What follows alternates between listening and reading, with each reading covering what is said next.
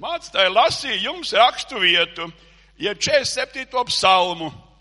Un tur ir tādi vārdi. Augsti ceļās Dievs tautām gavilējot. Tas kungs bazūnēm varēja atskaņot. Es te gribu jautāt, es kaut kā nedzirdēju gaviles. Dievs nav cienīgs gavilēm. Dievs nav cienīgs slavai, pateicībai. Man, tāds, man tā bieži vien rodās jautājums, un es kādreiz uzdevu jautājumu cilvēkiem, nu, tiem, kuri ir cienījami, kuri skat, ka viņi ir tradicionālas konfesijas un tālāk.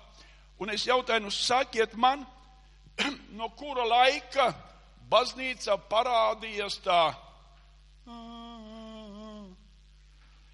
Viņš man atbildēja, tajā un tajā gadu simtenī tāds un tāds mūks uzrakstīja grāmatu, ka baznīca jābūt klusa. Un tā tas pamazām pārgāja. Es augu un piedzimu tautā, jeb draudzē, eh, kuru varēja dzirdēt pavisam netālu, tikai pusotru kilometru. Eh, es biju puika, un man bija jābrauc uz Mazbānijas staciju ar ratiem pretīm ciemiņiem, kurus brauc uz manu tēvu māju nu, kā teikt, eh, eh, uz dievkalpojumu, jo tajā laikā mēs nebijām reģistrēti. Un es braucu, atceros, vedu vienu diezgan cienījamu vīru, un vēl esam kādu kilometru no mājas, un aiz meža mēs dzirdam jau, aiz meža mēs dzirdam jau slavu un pateicību Dievam. Daži saka, vai tad Dievs ir kurus? Es nezinu, Bet te ir rakstīts, augsti ceļās Dievs tautām gavilējot. Vai var gavilēt klusi? Jā, tavas sirds pāri plūst, nu tad man liekas, man pilnīgi vienalga. Es jums esmu kādreiz stāstījis tādu stāstu, ko es izlasīju kādā Krievu žurnālā. Eh, pirmspadomu laikā tajā eh, Baltkrievija, puse Baltkrievijas bija pie poļiem, tāpat puse Ukrainas, un tie, kas dzīvo tai pusē, viņiem bija žurnāls. Un šai žurnālā ir stāsts par kādu draudzi, kurā hm, uh, viens cilvēks vienmēr kliedza aleluja. Māstam, ja viņš bija apnicis, bet nu piecieta, ja viņš tāds vecs vīrs cienījams kliedz aleluja. Un tagad brauc biskaps, un viņš saka šim onkulim, klausies, es tev nopirkšu pāru labus zābakus, tikai šoreiz nekliedz aleluja. Viņš saka, labi, zābaki, zābaki, jo tajā laikā viņi staigāja no liepu mizas taisīt tādas vīzes. Viņas saucās krieviski lapķi, vīzas. Un tā viņi staigāja, un kājas tur bija labs, bet tas par to nemaz šaubu nav. Un tagad ir dievkalpojums un bīskaps runā. Un pēkšņi no zāles atskan kliedziens, ir zābaki vai nav, aleluja tam kungam! Un kā jūs domājat, viņš dabūja zābaks? Dabūja, bīskaps nopirka. Augsti ceļās Dievs tautām gavilējot. Es nesaku, ka mums histēriski jākliedz, bet mēs varam atvērt savu muti un slavēt un pateikties tam kungam. Saukt, saukt aleluja, slava tev, kungs! Es tev pateicos, Dievs, ka tu esi varens, visspēcīgs, stiprs Dievs. Vai ne? Tik skaisti dzied, skaisti vārdi. No šiem vārdiem vien tu vari pateikt, es slavētu un godinātu to kungu. Vai tas nav brīnišķīgo? Jo Dievs ir varens. Ir daži varianti, kāpēc mēs kādreiz, nu tā, ne visi sevišķi cenšamies to Dievu slavēt un teikt. Mēs sakam, nu jā, bet viņš mani neklausa. Pasakiet, vai viņam būtu tevi jāklausa, jeb tev jāklausa viņu? Kā ir patiesība? Nu, otrais variants. Jūs jau esat visi cilvēki tādi nopietni, un jūs ziniet to, ka parasti bērni ļoti grib, lai vecāki viņus klausa. Bet vecāki zina labāk par lietām un neklausa vienmēr. Kāpēc? Tāpēc, ka tas var nākt par sliktu bērnam. Tāpēc arī dažreiz Dievs mūs neklausā, mums rodas tāds problēmas. Dievs neklausā, mēs apvainojamies un saka, es tik daudz viņu lūdzu, un daži saka, es pats ziedoju, un viņš man neklausa. Paklau, vai tad mēs gribam ar lūgšanu skaitu iepriecināt Dievu? Vai mēs gribam ar naudiņu, kur iemetam ziedojumos, iepriecināt Dievu? Nē, mēs mīlam Dievu. Es lasīju Jāņa evaņģēlību, ja citā vietā ir rakstīts tā, Jāņa evaņģēlība, manuprāt, ir rakstīts, jā, kas mani mīl, tas mani klausa. Jā, kas mani mīl, tas mani klausa. Mūsu laikā ir tāda liela polemika, domu starpība, doma apmaiņas.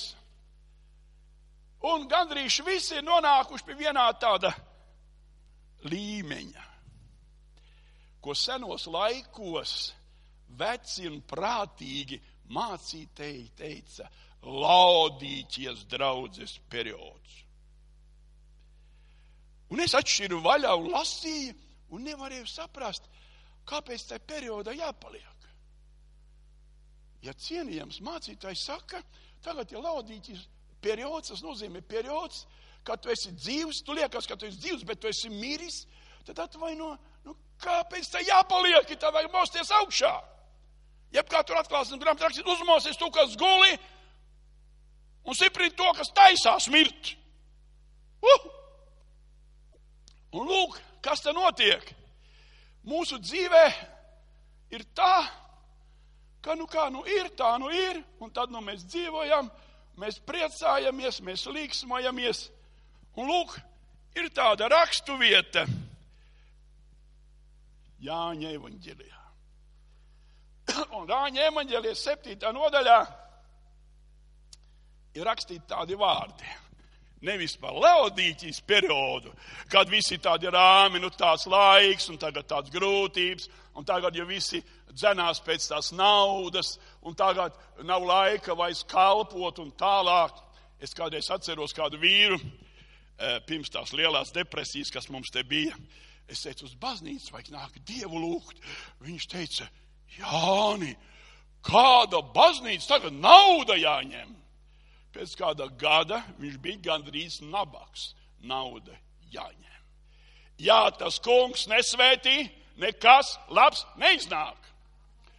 Un lūk, šeit Jēzus uzrunā sapulcējušos, un arī jūs un mani mūs kopā.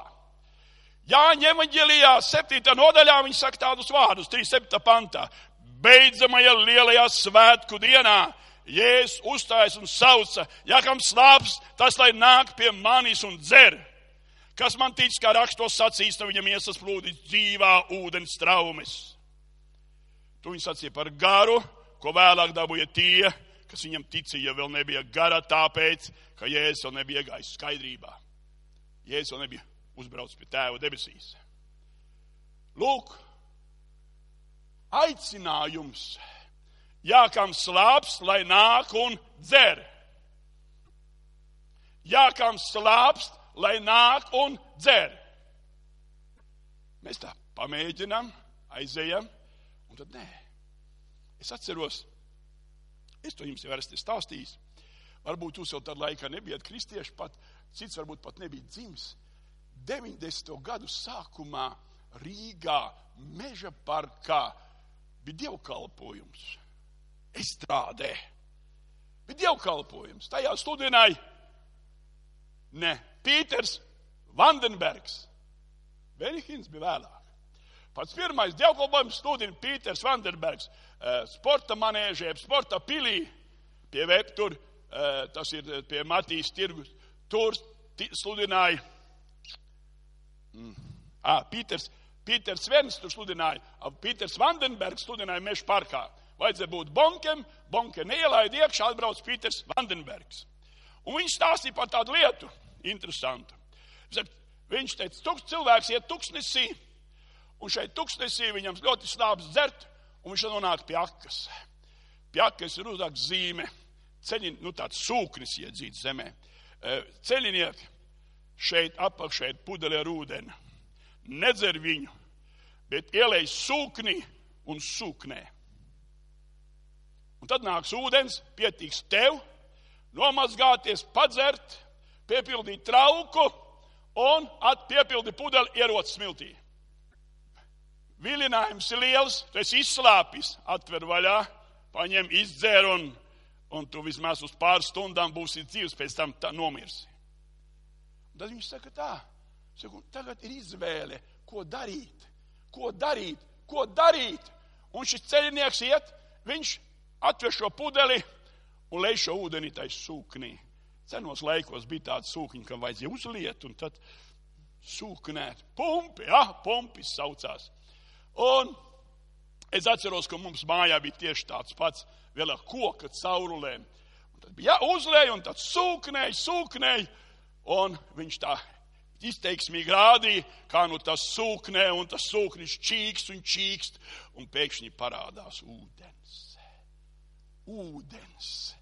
Viņš piepilda pudeli, noliek vietā, piepilda savu dzeramo trauku, kas ir līdz, padzerās, nomazgājās, atpūšās un iet tālāk.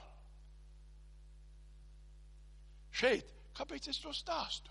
Ir jautājums, kāpēc man vajag šīs, kāpēc man ir šīs slāpes, vai tikai tāpēc, lai es sevi padzirdītu, sevi apmierinātu uz kādu brīdi. Jēzus šeit saka, jā, kam slāpes, tas lai nāk pie manis un dzer. Un viņam iesām plūdis dzīva ūdens traumē. Tad, kad tu esi dievnamā, domā par to, kā ir rakstīts 12. vēstulē, 12. nodaļā korintiešiem. Manuprāt, pirmā vēstulē rakstīts tādi vārdi. Ikvienam ir dota gara izpausme, lai nestu svētību. Tad, kad es eju uz dievnamu, man ir jābūt vienai domai. Es gribu svētību dot kādam. Es vēlos kādu svētīt. Es lūdzu Dievu svētīt.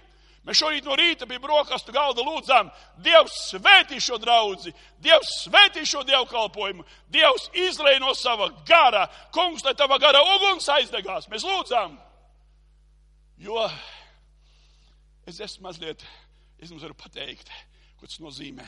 Tas nozīmē dvēsele, kas bagātīgi svētī citus, pati tiks svētīta. Tā ir rakstīts Dieva vārdā. Atrodiet to rakstu vietu tas būs kaut kas īpašs. Parasti mēs domājam, ūdens pudele ir, es padzeršos, pēc manis kaut vai ūdens plūdi, man vienalga, es vismaz uz brīdi būtu remdējis slāpes. Nē, domā par citiem, domā par tiem, kas tev ir apkārt. Rādi viņiem Kristu, dodi dzīvo ūdeni. Ko tad nozīmē šis dzīvais ūdens? Šis dzīvais ūdens runā par svēto garu. Ne jau par ko citu, par svēto garu. Un tas ir ļoti vajadzīgs. Cilvēki šodien jautā, kas notiek, kas ir par iemesliem, kāpēc, lūk, mēs runājam, mēs stāstam, un tad piemin to, ka Atēnās Pāvils bija Eiropā, gā, tur tie neviens neklausīja. Bet beigās ir, kad mēs lasam Tas apustu darbos ir rakstīts Dionīsijas Areopaga locekļus.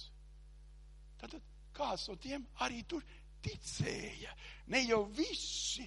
Dažreiz cilvēki, man kādreiz kādi cilvēki, kāda ordinēšanas dievkalpojuma teica tā, visa draudze ir pretī tam mācītājiem, ka tu viņu ordinē. Es saku, kuri piecēlās trīs cilvēki, tie bija visi. Parasti gan visi Ne visi, bet trīs. Es teicu tā. Varu piebilst, tā draudze, tā pēc tam no dažiem simtiem cilvēku izauga līdz pusotram tūkstotim. Tas mācītājs tiešām bija Dieva svētīts. Vēlns parasti stājās pretim. Vēlns saka, es neko nevaru. Tu ne, viņš tev ar tavu muti saka, ar tavu prātu saka, es neko nevaru, man nekas neiznāks tur vai kā citu, tur vai kādu stiprāku, spēcīgāku, svētītu. Dievs saka, Jēzus sauc, ja kam slāpes, lai nāk un dzer. tev slāpst. Ej un baudi no Dieva, baudi viņa žēlastību. Šodien ir tāds, es smējos svētceļnieku kustībai. Ziniet, kāda viņa ir? Jūs ar tai komandā bijāt, es arī biju, un vēl tas turpinās. Ir tāds vecs vīrs, vecs vīrs Tallinā, Reinis. Jūs viņu redzējāt daži, vai ne? Vecs sirms vīrs, viņam nav spēka reizēm. Un dažreiz vīri, cilvēki atbrauc no Krievijas pie manis un saka, mēs gribam viņu satikt, redzēt. Mēs vienreiz aizbraucam ar vienu krievu brāļu un māsu grupu, un Reins bija tik vārgs, ka viņš praktiski neko nevarēja parunāt. Un tad man nācās vest un rādīt, un te mēs lūdzam, un te, un te bija tā, un tā. Un te cilvēks skatījās un brīnījās. Ziniet, kāpēc es to stāstu rādu? Tāpēc, lai rastos kādam jaunam cilvēkam slāpes. Jo tikmēr Izraels kalpoja Dievam, kamēr bija dzīvi visi tie vecie, kuri zināja stāstīt, ko Dievs darīja. Tad, kad mēs dzīvojam un neko nezinām, mums liekas, ka tā tas bijis visu laiku. Nē, laudīķis periods nav visu laiku. Tas ir atstājams un atmetams. Māsam, brāli, Jēzus runāja par svēto garu. Kāpēc par svēto garu? var jums paskaidrot. Tad,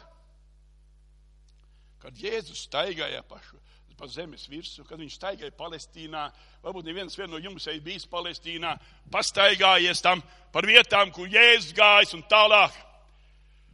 Bet ko es varu teikt? Jēzus sacīja, tas ir pa labu, es aizēju.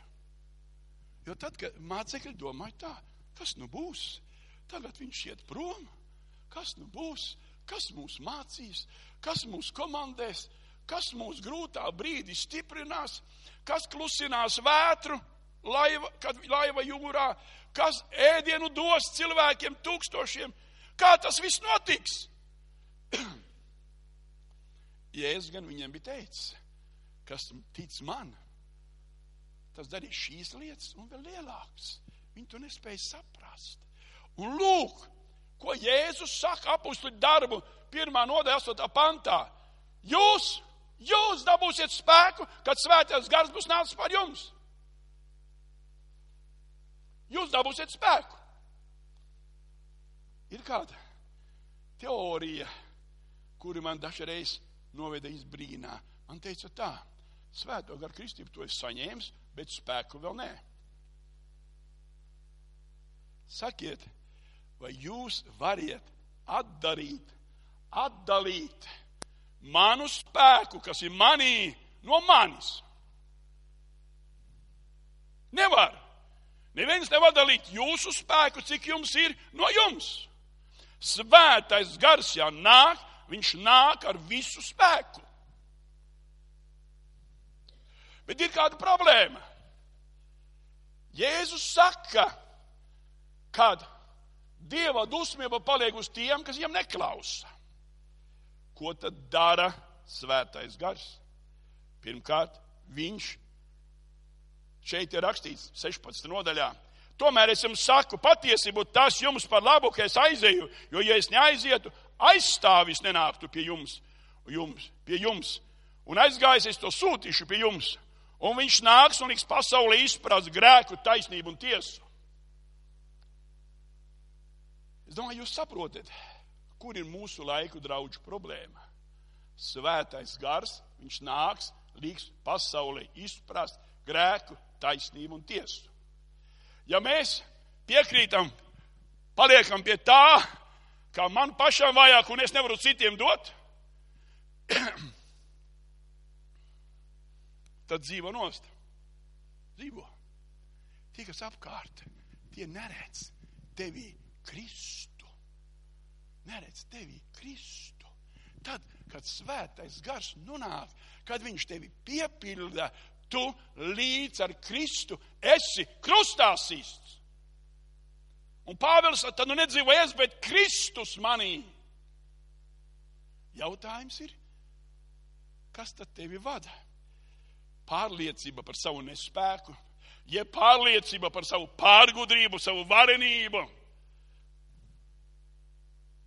Jeb tevi vada viens - Kristus. Visus, kurus vada Dieva gars, ir Dieva bērni. Un lūk, Jēzus saka, nāks Dieva gars, nāks svētais gars, un tas liks pasaulē izprast grēku, taisnību un tiesu. Mēs daudzreiz runājam un sakam, nevaram saprast, ko tiem cilvēkiem vajag. Es apmēram zinu, viņiem vajag cilvēkus piepildītus ar svēto garu. Piepildītus, svaidītus, svaidītus. Es, es vakar klausījos kristīgā televīzijā, ir tāds CNN kanāls, un tur uzstājās un runāja, jeb GTV, laikam GTV, tur runāja viens vīrs, kam uzdev jautājumu, kā jūs jūtaties tanī brīdī, Pensakolas atmodā, jeb, jeb tajā at, nu, atmodā, tajā brīdī, kad jūs slavējat Dievu un pēkšņi visa zāle pacēla rokas, sauca aleluja, citi sēdās uz grīdas, citi krita, citi lēkāja. Kāda jums bija sajūta? Tam dziedātājam. Dziedātājs saka, man bija tāda sajūta, ka es neesmu uz zemes. Ka es neesmu uz zemes. Viņš bija lūdzis, viņš bija gatavojies Un šis svētība nāk uz pārdraudzē, sapulcētiem. Un tie sapulcētie ierodās parasti tādās vietās, ir daudz, kuri saka, tas būs svētīgi man, es tikšu svētīts, kādu laiku varēšu dzīvot. Ir cilvēki, lielais vairums, kuri brauc, saka, es gribu nest šo svētību savā draudzē. Tātad, lai mēs varētu pārliecināt pasauli par grēku, taisnību un tiesu, mums ir nepieciešams Dieva svētais gars. Un ne tikai Dieva gars, bet mums ir jāpaklausa šim garam, jāpaklausa šim garam. Piemēram, Bībelē raksta tāda vieta, kā Filipu gars teica, ej uz ceļu, pa kur daudz nestaigā, un tur brauc viens vīrs ratos, un gars saka Filipam, ej klāt pie ratiem, turies pie ratiem! Pīris varētu teikt, tas ir nezolīdi. Viņam ir apsārdze, viņa mani piekaus, es neiešu. Viņš arī neiet. Bet ja viņš paklausīja Dieva garam, viņš devās uz turieni. Rezultātā Etiopijā ir draudzes, kuras gan sauc par koptu draudzēm, bet tās ir ļoti senas kristiešu draudzes. Etiopiešu virs, virsnieks, ja finanses ministrs, kā nu kurš sauc. Un lūk, bet kad viņš 13. pants, bet kad nāks viņš patiesības gars, tas jūs vadīs visā patiesībā, jo viņš nerunās no sevis paša, bet runās to, ko dzirdēs un darīs jums zināmu nākamas lietas. Tas mani cels godā, jo viņš ņems no tā, kas ir mans, un jums to darīs zinām. Vai šeit vispār vajadzētu vēl kāds komentārs? Manuprāt, nē. Šeit ir skaidri noformulēts un pateikts tas, kāpēc nāks svētais gars. Jēzus teica, jūs dabūsiet spēku, tad, ja mēs saņemam spēku un mēs paklausam viņam, un viņš vada mūs visā patiesībā. Kā viņš vada? Caur Dieva vārdu, caur atklāsmi. Viņš vada. Viņš brīnišķīgā veidā vada. Viņš vada tā, ka viņa atklāsme saskan ar Dieva vārdu, ar Jēzus teikto. Es pazīstu dažus cilvēkus, kuri sakās, ka viņi ir gara vadīti, bet man ļoti žēl par viņiem. Viņi, viņi paziņo, ka es būšu tur un tur mācītājs. Es būšu otrs mācītājs, pirmais būs kāds cilvēks, kāds sieviete būs mācītājs, un es būtu viņas palīgs. Tai pašā laikā viņš sludina, ka sieviete nevar būt pārāka par vīrieti. Kā tas saskan ar šo atklāsmi? Saki. Nu nekā. Nu nekā. Bet cilvēks puš vaļā.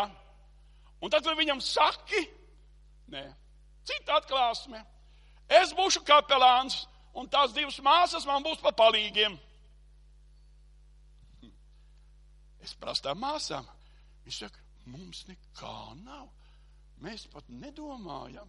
Mums pat nav nekāda skubinājuma būt par palīgi un iet uz turieni. Es zinu citu patiesību. Es zinu patiesību tādu, kad Dievs runāja uz apusturi Pāvilu.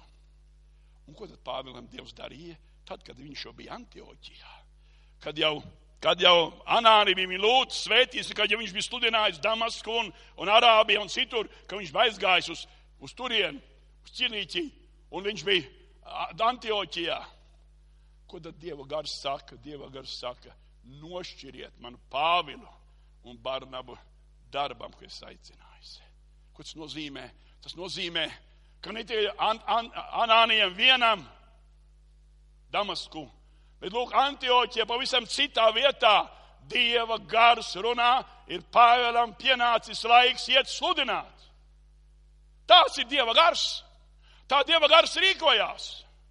Cilvēki domā savādāk. Viņi domā, ka tas tā iet. Daudz gads atpakaļ, 25 jūnijā mani svaidīja par mācītāju. Pagāja pieci gadi, līdz es sāku kalpot. Pat vairāk, manuprāt. Es vienkārši gaidīju uz Dievu. Es gaidu uz Dievu. Es zinu, jāgaida uz Dievu. Un Dievs lietas sakārto. Dievs nāk, viņš kārto, viņš vada. Es runāju par to, ka cilvēki kādreiz, es teikšu tā, laužās atvērtos vārtos, atvērtās durvīs. Māsa un brāli, tas, ja tev slāpst, ja tev ir vēlme, lai draudze deg, lai draudze dzīvo, iesāc lūgt to, lai viņu Dievs tevi aizdedzina. Lai tevi aizdedzina. Citādi mēs būsim ļoti līdzīgi nu, tam vīram, ko sauc par mūzu. Mūsu teica, Dievs, es nevaru, man nesanāks. Dievs, nē, nē, nē, nu sūti citu, tikai ne mani. Dabūju Āronu, kurš pēc tam uztaisīja zelta teļu. Dievs teica, tajā reizē mūzum, viņš teica tā, mūzu, es tā steigšu pats, patausti lūpas, tie priekšā ir mēle. Viņš teica, kas cilvēkiem radīs lūpas mēli. Es esmu radījis. Tad es viņu arī varu lietot. Es viņu arī varu lietot. Tātad, māsa un brāli, tas, kas tevi ir radījis, tas, kas tevi devis muti, mēli, ausis, redzi, viņš ir spēcīgs tevi pārveidot darīt sev derīgu. No pilnīgi nederīga aitu gana. Pilnīgi nederīga aitu gana. Māsas un brāli, tu saki, jā, bet kā tad tā? Nu es taču nevaru, un man tā spēka nav, kaut es runāju mēlēs. Dieva vārds saka, ja tu esi kristīts svētajā garā, tu esi saņēmis spēku. Un tagad man tāds piemērs ir vecās derības. Pēdējā laikā es kaut kā aizrāvies ar veco derību. Piemēram, ir liels problēmas Izraēļa karaspēkam. Viens vīrielis, ap divi metri garš, bišķi garāks, stāv smējās 40 dienas, izsmēja ebreju karaspēku. Un kā šis viens nāk, tad visi krūmos, visi paslēpās. Visiem ir baili. Un tad nāk viens puisis sārtiem vaigiem un dzird, kā tas lamājās un saka, kas tas ir? Ā, viņš te! Saka, kas par to būs? Ķēniņš dos meitu pa sievu. Jā, ā. Un tad viņš piesakās es iešu un šo te neapgraizīto iznīcināšu. Hmm. Brālis saka, ko tu iedomājies? Tu esi blēdīgs, tu esi viltīgs, tu esi ziņkāris, dēļ atnāc šeit. Bet visi dzīvo pa krūmiem, visiem bail. No viena vīra, viena vīra bail. Vienam jauneklim nav bail. Viņš saka, es lācim lauvu uzvarēju, kad viņi man aitas ņēma. Un tad šito te neapgraizīto. Un lūk, viņš dodas karā. Viņš tagad īpaši negatavojās. Viņš neņem trīsmetrīgu šķēpu, viņš neņem īso duramo zobenu. Viņš iet ar to, kas viņam ir. Viņam ir akmeņi un linga. Viņam ar to pietiek. Ko viņš saka? Viņš iziet ārā un viņš saka tā, šim filistietim Goliātam, es eju pret tevi, tu esi lamājis tā kunga karaspēku, es eju pret tevi tā kunga cebaut vārdā. Nevis saula vārdā, bet debesu karapulku vispavēlnieka vārdā, tas saucas cebaut, jeb ceabot. Nu, tas varbūt nav tik svarīgi. Viņš iet, un tad ir viens atvēziens ar lingu, dižais vīrs krīt, un pēc brīža ir bez galvas. Un ziniet, kas notiek tālāk? Sauls ir savā vietā, ka, tie ģenerāļi savā vietā, pārējie virsnieki savā vietā par simtiem, par tūkstotu. Bet filistieši sāk bēgt. Un tā uzvara Izrēlam ir liela, ļoti liela. Paklausies, vai tu neesi dzirdējis par tādu pajaunu cilvēku, apmēram ap 30 gadiem, vārdā Jēzus. Neesat dzirdējis par tādu. Vārdā Jēzus. Viņš bija svēto garu svaidīts. Sievietes dēls. Es īpaši saku sievietes dēls, jo daži man teikt cilvēka dēls. Un, un tad, kad tu saki, vai tad sieviete nav cilvēks, tad viņa saka, nu jā, esat, bet Jēzus ir cilvēka dēls. Jūs pasāks, es jums stāstītu, jūs brīnītos, kur gudrības var dabūt cilvēki.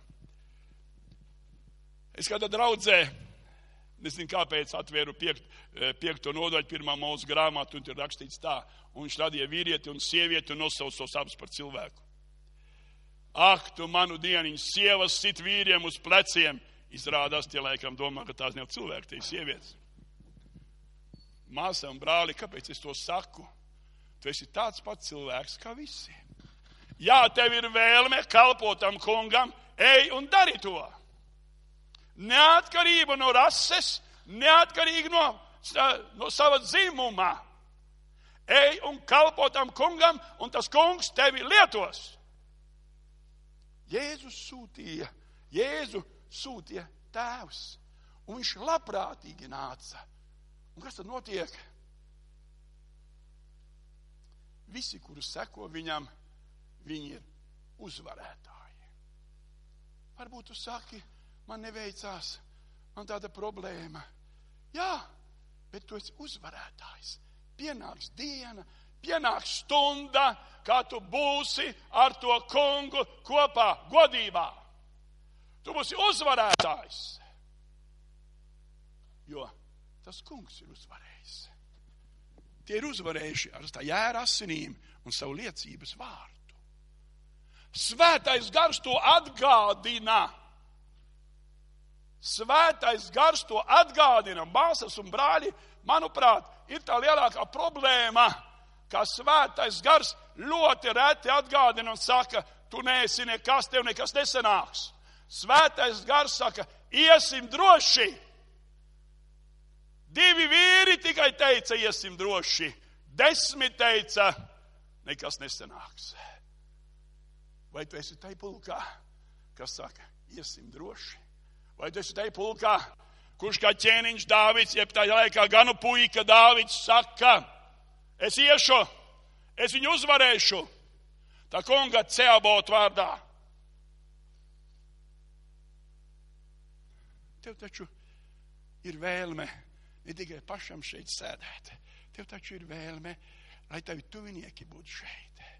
Tev taču ir vēlme uz tā, lai tie, kas ir apkārt, kam tu esi stāstījis par Kristu, viņi nāktu uz šeieni. Viņi būtu šeit draudzē, viņi būtu šeit. Tas ir brīnišķīgi, ka tu to redzi, ka tu ieraugi to. Es esmu ļoti priecīgs un pateicīgs Dievam, ka es esmu viena otrā draudzē. Ziniet, tādu interesantu lietu es esmu ievērojis. Nāk. Un kā nāk?